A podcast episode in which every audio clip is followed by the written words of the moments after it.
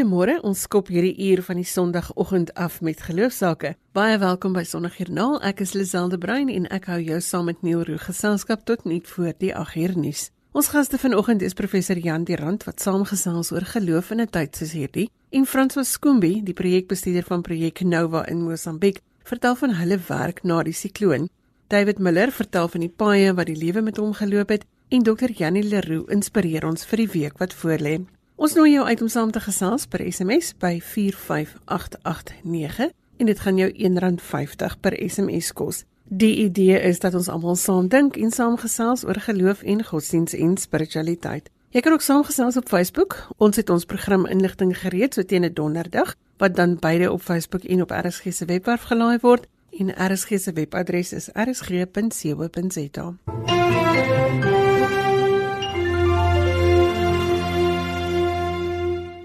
Professor Jan de Rand is nasionaal en internasionaal bekend as Nuwe Testamentiese vakspesialis. Verlede week het ons gesels oor die Ou Testament. Hy is professor emeritus in Nuwe Testament van Universiteit van Johannesburg en ook buitengewone professor in die Nuwe Testament aan die Noordwes Universiteit van Potchefstroom. Ons gesels vanoggend oor geloof in 'n tyd waar alles net op sy kop gedraai is. Goeiemôre professor. Môre, Lisel. Ons word gekonfronteer met geweldsmisdade op 'n daaglikse basis. Daar's politieke onsekerheid en korrupsie reg oor die wêreld en armoede en werkloosheid neem so toe. En dan vra mense vir my of God nog regtig in al hierdie dinge by ons is. Wat sê ons daaroor? Wel, ek dink dit is algemeen bekend dat 'n mens kan sê die huidige Suid-Afrikaner is besig om te steier teen 'n stilte. En die stilte is baie stil. Om 'n beeld te gebruik, ek dink veral aan die moeilike stukkie pad net voor Pietermaritzburg as 'n ou die Comrades hardloop. Dit is die Polly Shorts. Almal is moeg, bene pyn, longe vlieg, maar jy moet daardeur. Dis 'n jy steier teen die stilte. Dis hoe ek die oomblik die Suid-Afrikaners sien met allerlei spoedwalle wil ek sê word ons getuister en dan ook hierdie geweldige stilte. Dan is dit natuurlik om te vra hoe lyk God? Waar is God in hierdie hele prentjie? En dan kom twyfel. Dit was na vore. Twyfel is nie sonde nie. Twyfel is eerder jou op pad wees om weer te kan glo, om weer te verstaan. Dit lyk soms vir ons of God agter 'n wolk van ons twyfel weggeraak het. Dan kom onsekerheid en as onsekerheid oorneem, kom daar heelwat vrae, moeilike vrae. En mense vra na God. En ons ondervind dit elke week. Ek dink maar veral aan die waar is God met daardie uh, wrede plaasmoord of waar is God wanneer dan 'n week op die vlakte vyf kindertjies in die Kaap doodgeskiet word in bendegeweld. Waar is God? Weet hy daarvan?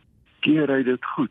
En in ons soeke na antwoorde moet ons sekerlik nie bravado aanwend nie, maar eerder 'n magteloosheid. Want twyfel kan jou verder laat terugsak of twyfel kan jou inspireer om by 'n antwoord uit te kom. En nou is die antwoord waarna ek soek, want die hele Bybel is vol daarvan dat God sê ek is met julle in voorspoed en in teenspoed. En ons moet dit leer dat ons ook teenspoed uit God se hand mag ontvang omdat ons in 'n gebrokenheid leef. Adam en Eva was ongehoorsaam die hele nageslag. Ons ook. Sê Paulus in mooi Romeine 5, deur een mens het die sonde gekom, deur een mens het die verlossing gekom. So ons beleef die gebrokenheid. En dinge is net nie perfek nie. En daarom is die antwoord op al hierdie twyfel dat ons God moet herontdek, herformuleer. Nie prekerig nie, ook nie regsienerig nie, maar werklik die God van liefde en God van genade wat hoop in ons werk, wat ons self hervorm en wat ons uitbring by geloof. En dit is my punt wat ek graag wil maak dat ons by die punt van geloof kom. Nie goedkoop geloof nie. Nie maar net antwoorde op vrae wat nie weer gevra word nie, maar 'n duur geloof dat ons geloof gefilter sal word deur dit wat in Golgotha straat gebeur het, die kruis en die opwekking. En dan is God besig om ons heel dag te herinner dat hy omgee en dat ons nie moet opgee nie. Hy kan heel maak, maar dan moet ons die stukke vir hom aangee. So daar is 'n verskil tussen ongeloof en twyfel, professor. Ja, ja, ongeloof is die uh, verkeerde verwording van jou geloof en twyfel is die die tydelike tydelike dat God tydelik agter die donker wolk verskyn dat jy hom nie kan sien nie, maar twyfel is weer die op pad wees na uh, op net na 'n geloof. Sou ons kan sê dat geloof dus nog 'n rol speel in hierdie uitdagende tyd waarin ons nou is. Ek glo so. Ek glo geloof is die basiese waarna ons moet terugkeer. Jy weet in die stilte, in polishort word nie baie gepraat nie. Jy hoor net diep asemhaling en ons moet net diep asemhaal en weer glo. Glo beteken dat jy jouself leegmaak van jouself, van jou eie ek en dat jy werklik weer Christus op jou troon plaas. Geloof is om net ja te sê vir God, om God weer te vertrou, om jou gees op sy hoofletter gees in te stem op die golflengte om te glo is dan om dit reguit en maklik te sê om jou leë hande uit te steek na God wat dit vul met sy genade en sy goedheid. Ek wil net ook dit sê dat geloof is die ontsê van jouself en die sê vir God en dis 'n herontdekking. Herontdek die Bybel, jy ontdek jou geloofswandel. En die Bybel is nie maar net 'n geloofsbundel interessante feite nie. Die Bybel is 'n geïnspireerde woord van God en in die hande van die Heilige Gees beleef 'n mens dit heeltemal anders. Dit dit gebeur mos dit was dat mense gedeelte uit die Bybel lees, kom ons sê maar Romeine 5 en dan dat jy 'n sekere boodskap daarop daar. En 'n ander keer afhangende van jou gemoedstoestand lees jy dit weer en dan tref dit jou dit raak jou Waarop moet ons fokus om nou seker te maak dat ons in hierdie tyd nie in wanhoop vasgeval word nie? Watter geloofsbril moet ons opset? Dis 'n belangrike saak wat wat jy nou aanroer dat ons in 'n negatiewe tyd soos hierdie positief moet leef. Dat ons nie fokus op wanhoop nie, maar dat ons die hoop agter die donker wolk weer moet gaan uithaal. Eerstens sou ek sê dat ons die twyfel en soms ongeloof soos 'n kindjie uit die weg moet kry om net weer te glo. En dan wil ek 'n Latynse uitdrukking gebruik wat vir my baie kosbaar is. Coram Deo. C O R A M woordletter D E O om voor die aangesig van God te leef. Dit is die waarborg van geloof wat twyfel verban om coram deo te leef. Ons moet ook in die geloof soos kindertjies ons identiteit herontdek. Dat ons, as ek in my Noordwes taal sommer mag sê, dat ons nie hierdie se goed is nie, maar dat ons God se goed is. En daarom het ons identiteit en mag ons die identiteit deur die werk van die Gees elke dag leef. Nou moet ons seker ook oefen aan ons stamina vir daai stilte van polyshorts. Dit is nie oefening van 'n 2, 3 dae nie. Die heel jaar lank oefen. En daarmee bedoel ek as ons die Bybel werklik teen ons vasdruk en lees, sal die Heilige Gees ook elke woord in ons hart vertaal. Ek het hier 'n Griekse woord wat ek so baie van hou, splang nitsomai. Dit beteken om meer lewing met iemand anders te hê. Jy voel so vir 'n ander ou dat jou ingewande eintlik in beweging kom. Dat ons plan geniet so baie sal leef en so ek sê laastens die eenvoudigste maar die effektiefste dat ons sal loop in die stof van die rabbi. Dit beteken dat die rabbi altyd deur die stofpaadjies voorloop en dat sy disippels of navolgers agter hom volg. En nou wil die spreek eintlik sê loop so na die rabbi dat sy stof teen jou opslaan. Dit is dan eintlik 'n geloofsfees heeldag met Jesus Christus. Professor Jan Durant se vakgebied is die Nuwe Testament en ons het gesels oor hoe gelowiges moet vas staan in die tyd waarin ons leef en daar is ook 'n boek oor geloof en twyfel wat hy hieroor geskryf het. Professor baie dankie vir die saamgesels vanoggend. Baie dankie Lisel. As jy sopas ingeskakel het, sê ons goeiemôre. Die program is Sondagjoernaal waar ons vroegoggend op die positiewe inspirerende dinge fokus wanneer dit by geloof kom. Gaan maak gerus 'n draai op RSG se webblad by rsg.co.za as jy die naam van 'n gas of 'n kontaknommer wil kry van enige van ons gaste.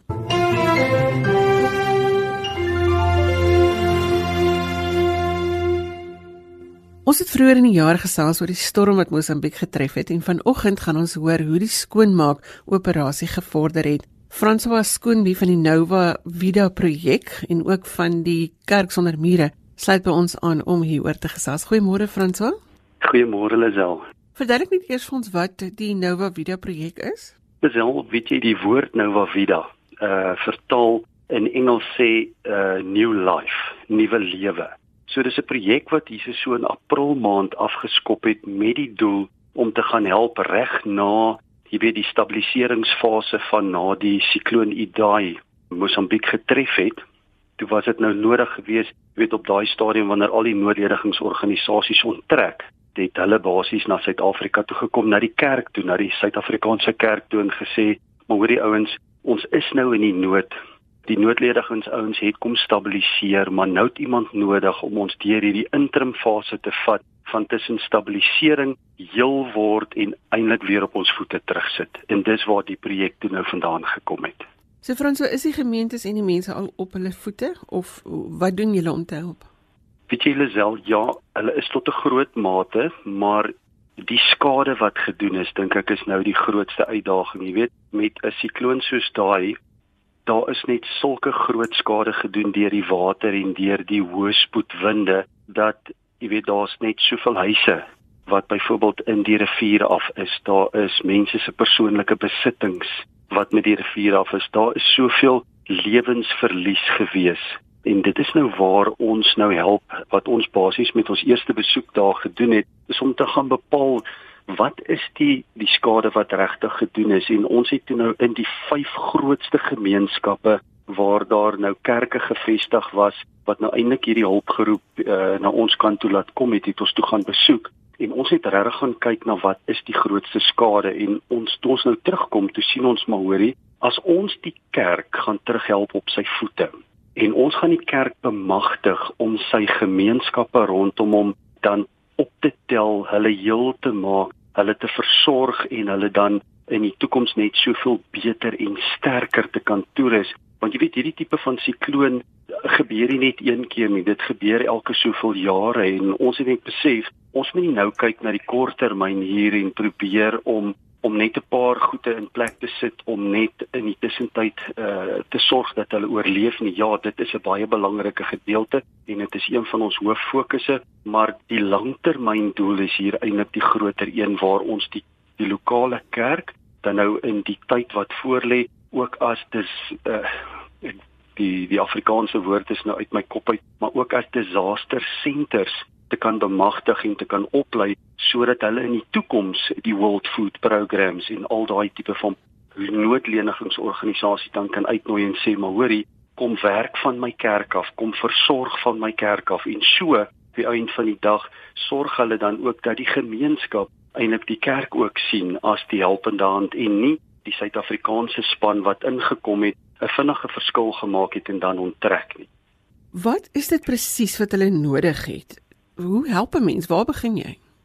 Wel, in hierdie hele projek Nova Vida is daar vier prioriteite wat geïdentifiseer is. En die eerste ene was natuurlik klere want mense se klere en besittings is met die riviere af. So ons het vir onsself ten doel gestel dat as ons soveel as moontlik klere en dis nou tweedehandse klere wat ons tussen gemeentes hier in Suid-Afrika ingesamel het tussen die gemeenskappe as ons dit kan inry uh via lugvrag via ehm um, daar is vir pad vervoer van maatskappye wat ook bereid is wat vir ons aangedui het wat vir ons help met die inry daarvan. Ons het nou 'n uitreikspan wat eerskomende donderdagoggend 2uur van hier af vertrek wat ook uh sleepwaandjies met van hierdie klere insleep. So dis om mense net weer ietsie te gee om aan te trek. Punt nommer 1. Dan die tweede fokus is kos en saad. Kos om net die nood, die huidige nood, die oorlewingsnood aan te spreek, maar dan ook saad en kunsmis om nou vir al hierdie kleiner bestaansboere in die landelike gebiede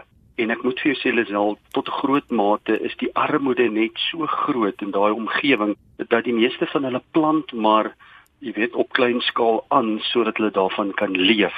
So ons het regtig daarop gefokus, maar jy weet ons het vinnig ook daar want Agrichem in Suid-Afrika het het tafel toe gekom en vir ons gesê maar hoorie ons kan julle met groot hoeveelhede saad kan ons julle help maar toe loop die die invoer permitte daarvan binne in Mosambiek en as gevolg van maar komplikasies met die verskillende kultivars en alles uh, was dit toe nou nie so maklik nie. So op hierdie stadium om vir ons te help om saad in te vat is finansiële bydraes maar die die makliker een selfs die voedsel om ook die lokale ekonomie wat baie seer gekry het te stimuleer verkies ons maar om voedsel ook finansiële bydraes daarvoor te kry. Die derde groot fokus is dan natuurlik die herstel van die kerke en die herstel van die soos hulle dit noem gebedshuise. Nou ons is so bevoorreg. Ons het aan die begin het ons 5 hoofgemeente se kerke gehad wat ons wou herstel en dan nou 25 eh, gebedshuise. Weet jy en ons is al deur 3 van die kerke net uit kontant bydraes wat uit gemeentes in Suid-Afrika uitgekom het kon ons al klaar 3 van hulle uh wel twee van hulle herstel en ons is op pad om die derde een in Boesie dan nou kompleet te gaan bou. En dan beteken dit ons het so 1 en 'n half oor wat daar moet gedoen word en van die gebedshuise uh glo dit of nie het ons al so 12 se geld bymekaar gekry wat ons al die materiaal kon aankoop. So ons is halfpad daar so dit is R30000 per uh, gebedshuis wat nodig is. So dis lekker partykeer dan vat besighede dit sommer aan en hulle sê maar hoorie ons sal ons sal graag daar wil betrokke raak. Ons het natuurlik ook 'n Nova Vida byrak kantoor waar ons 'n projekleier het wat voltyds nou vir ons op hierdie verskillende projekte waarvoor ons fondse insamel, is hy dan nou so bevoorreg dat hy kan na al hierdie projekte toe gaan, self sien vir die weet die die spandering van die fondse en goed dat daar nie enige kans is dat ons mense se geld wat hulle bygedra het nie behoorlik spandeer. Kerk sonder mure, hoe opereer julle? Wat doen julle? Ons het twee gemeentes, twee kampusse en ons werk uit Centurion uit het ons 'n kampus en dan het ons ook 'n kampus in Midstream.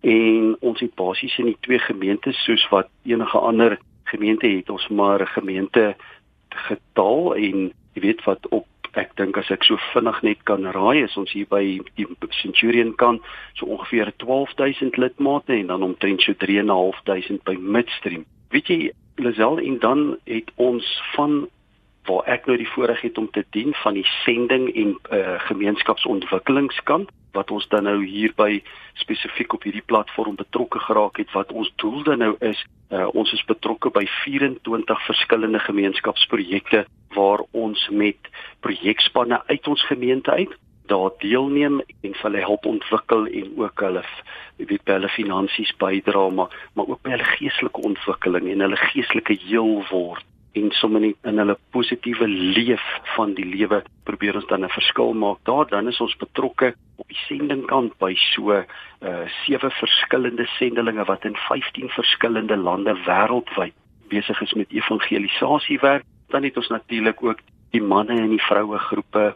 Ons het uh ook kinder 'n uh, uh, uh, baie goeie kinderbediening, tienerbediening en dan nou natuurlik ons opleiding in toerusting wat nou maar gebaseer is op Bybelskole en dan ook Bybelinterpretasie modelle wat ons wat ons aanbied om mense net soveel dieper toeter is sodat ons hulle kan mobiliseer vir hierdie tipe van werk om nie kerk te wees in Centurion en net in Midstream maar om kerk werklik in die wêreld en in die nasies te gaan wees. En so gesels François Skoombi van die projek Nova Vida wat 'n verskil maak in Mosambiek maar ook in 'n hele paar ander projekte. François baie dankie vir die saamgesels vanoggend.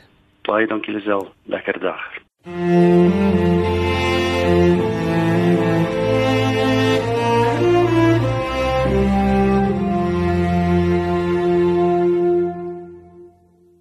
David Miller se lewe het 'n draai gemaak op die kansel, maar hy wou mense op 'n ander manier dien. Ons gesels vanoggend met hom oor die draaie wat die lewe met ons stap. Goeiemôre David. Goeiemôre Lisel en baie dankie vir die voorreg om saam met julle te wees. Jy het 'n storie van aanneming wat dikwels hand aan hand gaan met verwerping. Het jy altyd geweet dat jy aangeneem is? Ja nee, ek het van die begin af geweet dat ek uh, aangeneem is. Ek kan nie dink dat daar regtig in my lewe 'n tydperk was wat ek meer of minder uh, bewus was daarvan dat ek 'n aangenome kind was nie. My ma het maar altyd vir ons gesê, is nou vir my en my sussie, omdat ons al twee aangenome kinders is, dat ons uit 'n ander mamma se maag uitkom en uh, dit was vir ons oukei. Okay. Weet, dit was nie vreemd nie.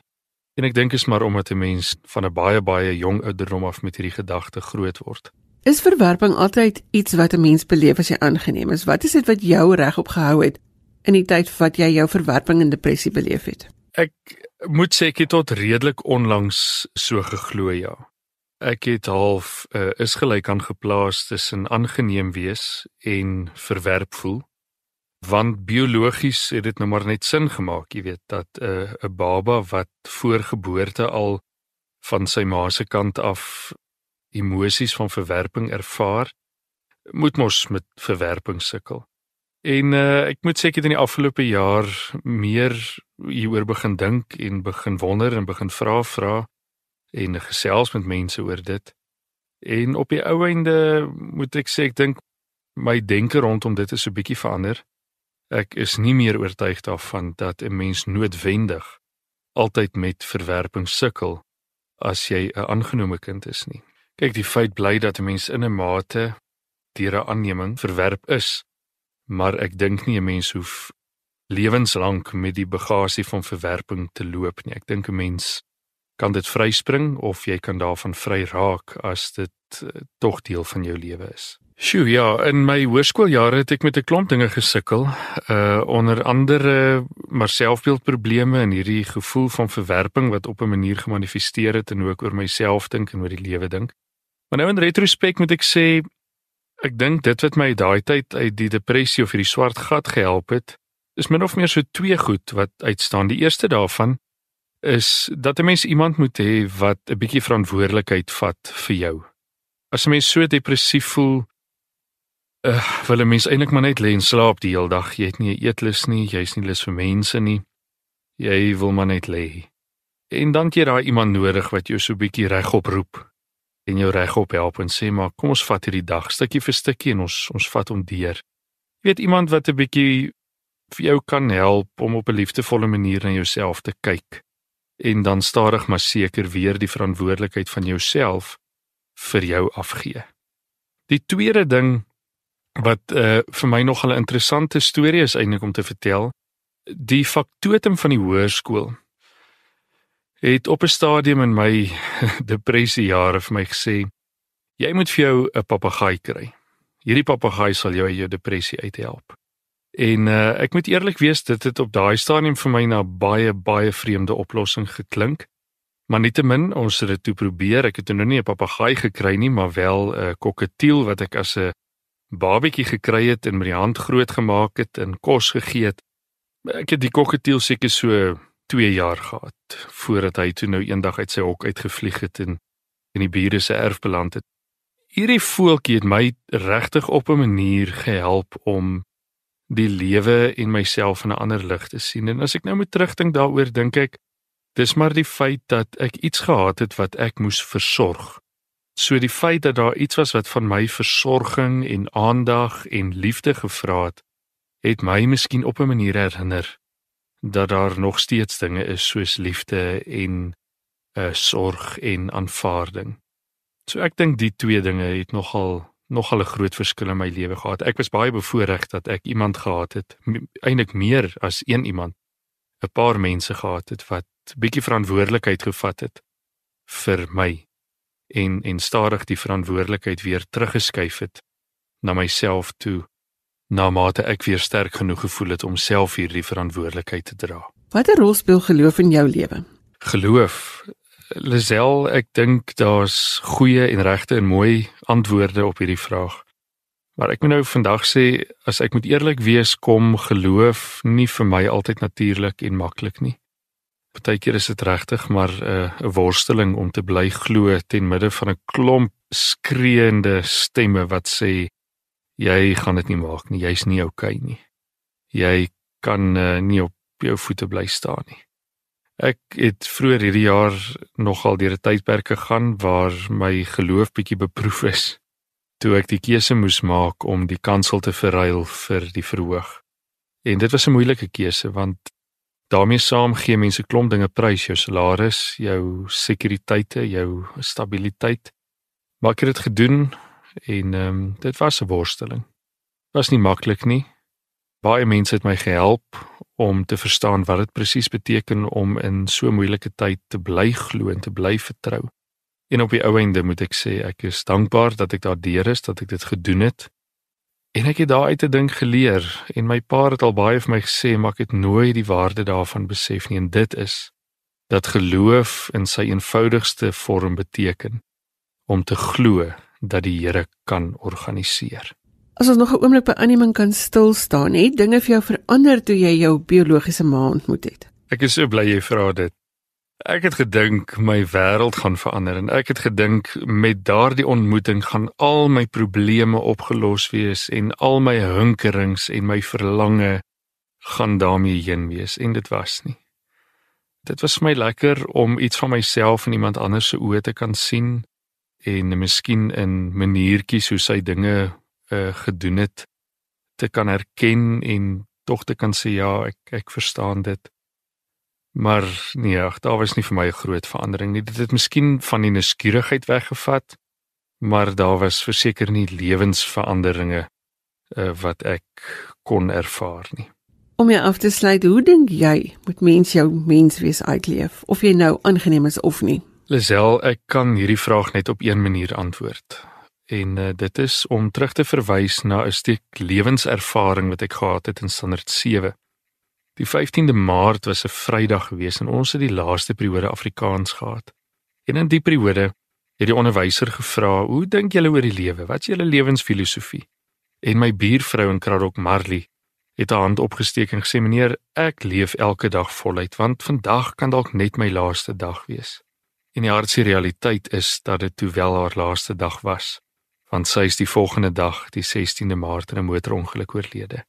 En dit het so groot impak op my lewe gemaak om te weet dat dit wat sy daai dag gesê het regtig waar kan wees.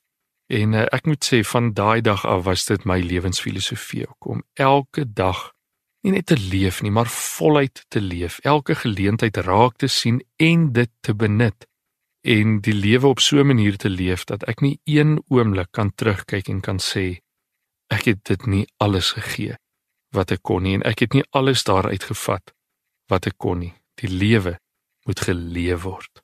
En so gesels David Miller wat sy storie van die lewe met ons gedeel het.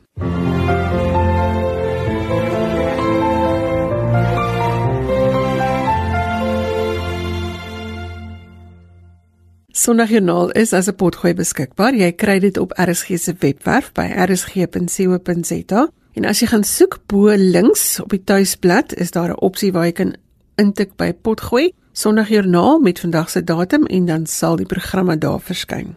Terwyl die winter so grys en grou hier om ons sy ding doen, het ons 'n vroegoggend inspirasie om ons die week in te neem. Dr. Janie Leroux, predikant in Gordons Bay, en vanoggend gesels hy met ons oor geestelike leestekens. Goeiemôre Janie. Hallo Lisel. Janie, Ek ken ons gewone leestekens. Hoe trek ons dit nou deur na geestelike leestekens toe? Miskien moet ek net voor ek by die detail kom van geestelike leestekens eers begin gesels oor deurbrake. Ek sien 'n woordeboek skryf dit so mooi om te sê 'n deurbraak is 'n gebeurtenis of aksie wat sake in 'n nuwe rigting stuur wat teenstand laat verbrokkel. Nou ons hou mos nou daarvan om 'n deurbraak te beleef. Dit kan wees as mense antwoord kry op 'n moeilike vraag of keuse waaroor jy helderheid wil hê. Of dit is dalk 'n nuwe insig wat vir ons nuwe moontlikhede bied vir alles 'n mens vasgeloop voel. Die deurbraak kan ons help om 'n nuwe rigting in te slaan wat weer 'n ander toekoms vir 'n mens kan ontsluit. Of deurbrake kan ook bevryding van iets wees wat ons terughou of vashou. So die punt is ons hou daarvan om 'n deurbraak te beleef want dit bring helderheid, dit bring fokus, motivering. Daar's egte tye wanneer ons nie 'n deurbraak beleef nie. Nou dis die tye waarin ons by God wil hoor, wat staan ons nou te doen? Dis tye waarin ons helderheid en fokus soek. En ek het gaan nadink oor sulke tye in ons lewe want dis die tye waarin daardie moontlikheid van 'n deurbraak opgesluit lê. Byvoorbeeld, in Handelinge 16 lees ons dat die Heilige Gees vir Paulus hulle verhinder het om die woord in die provinsie Asië te verkondig. En dan staan daar net in die volgende vers in vers 7 en toe hulle na Betinia toe wou gaan, sien ons maar die Gees van Jesus het hulle dit nie toegelaat nie. Nog later sien Paulus in 'n gesig 'n Macedoniese man wat hom smeek dat hulle na Macedonië moet gaan en hulle besluit om wel soontoe te gaan en dan staan so in vers 10 omdat ons tot die oortuiging gekom het dat God ons geroep het om die evangelie aan hulle daar te verkondig. In 'n kaart het die bekende professor NT Wright by hierdie plekke vraagteken gesit. Ek so 'n bietjie meer detail daaroor op my blog gesit. Dis waar hulle volgende deurbraak of rigting gesoek het by God. Ek het nogal gewonder oor hierdie tye van verhindering en ook rigting en noem dit toe sommer geestelike leestekens. Ek is nou baie nuuskierig. So jy sê daar is geestelike leestekens wat ons kan help om deurbrake te beleef. Ek reken so, ons wil mos as volgelinge van Jesus graag binne God se wil leef. So dis nie vir ons 'n deurbraak as ons keuses ons verder van God afneem nie. Ons moet net hier soos hulle deesdae dit noem, 'n vrywaring insit. Jy het nie 'n geestelike leesteken nodig om te doen wat God reeds vir ons gesê het nie. Ons weet reeds duidelik God se wil, soos Jesus dit vir ons aangedui het. En dit is eenvoudig gestel, Jy moet die Here jou God lief hê en ons moet alles en ons naaste lief hê soos onsself. So dis ononderhandelbaar vir ons as Jesus se disippels. Maar by ander plekke in ons lewe mag ons 'n punt, komma, vraagteken of uitroepteken beleef. Ek noem net hierdie vier leestekens want dis omtrent die basiese waarmee ons hoef te werk. Nou ons weet nou uit die voorafgaande dat Paulus hulle gewillig was om na die Gees te luister en om hulle deur die Gees te laat lei en dit het verskillende deurbrake tot gevolg gehad. Die geestelike leestekens kan ons help om ons oop te hou vir die krag van die Gees. En onthou, ons wag op die Gees se insigte, nie Google se insigte nie. So gewoonlik is 'n punt die slot van 'n volsin, weet ons, 'n komma is die leesteken wat dikwels dan 'n kort rus aandui. 'n Vraagteken wys iets is onseker, dis onopgelos. 'n Uitroepteken word geplaas na 'n uitroep of 'n uitdrukking of sin wat weer bevel, oproep, wens of selfs sterk gevoel uitdruk. En ons kan dit van toepassing maak in ons opweg wees saam met Jesus. Ek weet in my skryfkursus sê hulle ek gebruik gebruik veel te veel uitroeptekens. Kom staan vir 'n oomblik stil by die punt as 'n geestelike leesteken.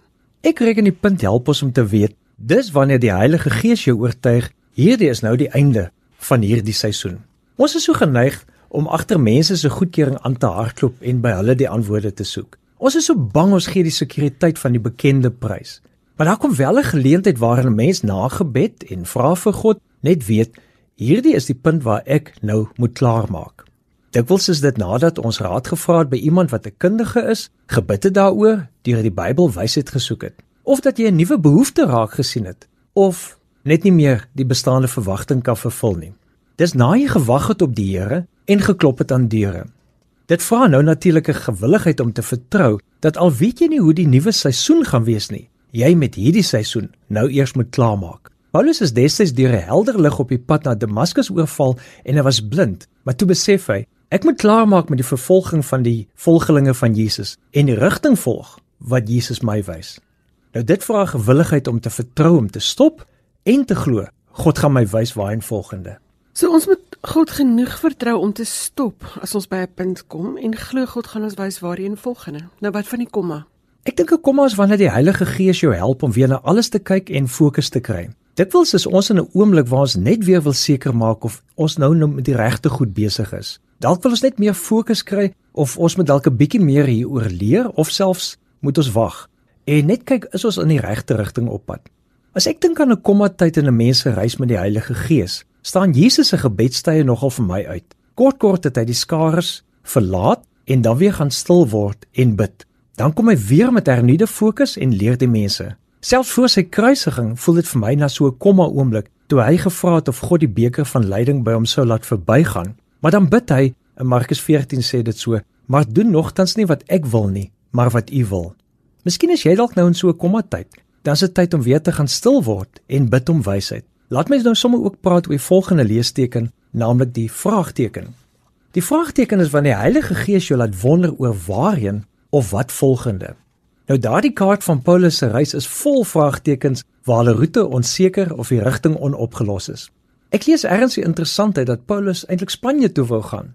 Tog het die Gees hom so gelei dat hy uiteindelik in Rome kom om die nuus van Jesus as koning voor die destydse keiser te bring. Die keiser moes hoor hy is eintlik nie die koning nie, Jesus is. Dalk is jy nou in 'n vraagtekentyd. Jy loop met die vraag: Heilige Gees, waarheen nou? Dit vra gewilligheid om jou eie planne en drome op sy te skuif en by God te hoor wat nou volgende. En dan gee jy net daardie trekkie en jy vra weer wat nou volgende en so gaan jy aan. Ek dink ons het ook 'n goeie les by Jona geleer oor as jy in een rigting wil gaan, maar God wil jou in 'n ander rigting stuur. Ek dink daar's baie mense met vraagtekens. Weereens, sal mens moet vertrou dat die Gees jou wel lei, Jannie. Wat is die laaste geestelike leesteken? Ek moet sommer met 'n aksent sê, dis 'n uitroepteken. Die uitroepteken is wanneer die Heilige Gees jou laat besef, ek moet dit doen en jy dit dan doen. Daar kom 'n tyd wanneer mens al die raad het gevra het wat jy kan, strategiese planne gemaak het, navorsing gedoen het, feite gekry het en dan weet jy net diep binne in jouself, dis wat ek nou moet doen. Ek kom agter dis dikwels 'n gevoel van 'n mens se lyf wat jou laat voel, al voel jy hoe gestres, jy voel half oop. Jy voel gereed om aan te beweeg. Want wat jou lyf voel, jy's al hoe meer benoud en al hoe meer toe. Dis dit nog nie tyd vir 'n uitroepteken nie. Jy moet daai openheid gevoel in jou lyf hê. Dikwels is dit net die wete, ek kan nie langer uitstel nie. Ek kan dit nie langer verduur nie. Dikwels is net 'n moment van absolute helderheid. Ek noem dit sommer 'n heilige aha. Wanneer jy weet dis die oomblik om die tree te neem, dan moet jy dit doen met al die vertroue in God en al die passie waaroor jy beskik. En dan moet jy vashou aan wat Paulus in Romeine 8 vers 14 herinner. Almal wat hulle deur die Gees van God laat lei, is kinders van God. Mag jy deur die Gees en elke luisteraar deur die Gees regtig 'n deurbraak beleef. En dan wil ek amper sê Sela, kom ons sit 'n punt na daai uitroepteken. Ek het gesels met Dr. Janie Leroux oor geestelike leestekens waarvoor ons moet uitkyk. Dr. Leroux is van Gordons Bay en jy kan by sy blog gaan kyk vir meer inligting oor hierdie leestekens waar hy bietjie geskryf het en bietjie daaroor uitgebrei het. Janie baie dankie vir die saamgesels vanoggend. Dis 'n lekker voorreg. Ons uurglas is leeg en ek sê baie dankie vir ons gaste. Professor Jan Durant het gesels oor geloof in 'n tyd van twyfel en François Skoombi van Projek Nova Video in Mosambiek het vertel van hulle werk na sikloon Idai. François se e-posadres is fsskoombi en dit is s c h o o m b e e by ksm.co.za as jy met hom wil kontak maak. David Miller het sy geloofspad met ons gedeel en sy e-posadres is davidmillermusic alles een woord by gmail.com. En laastens het Dr. Janie Leroux vir ons geïnspireer om 'n paar leestekens te gebruik om 'n bietjie oor na te dink vir die week wat voorlê. Sy e-posadres is janie@janieleroux.co.za. Jy kan vir my e-pos of met kommentaar of as jy 'n geloofstorie met ons wil deel, My e-posadres is lazel@wwmedia.co.za. Tot volgende week groet ek namens tegniese regisseur Neil Roo. Onthou stel jou doelwitte en gebruik jou leestekens. Tot volgende Sondag. Totsiens.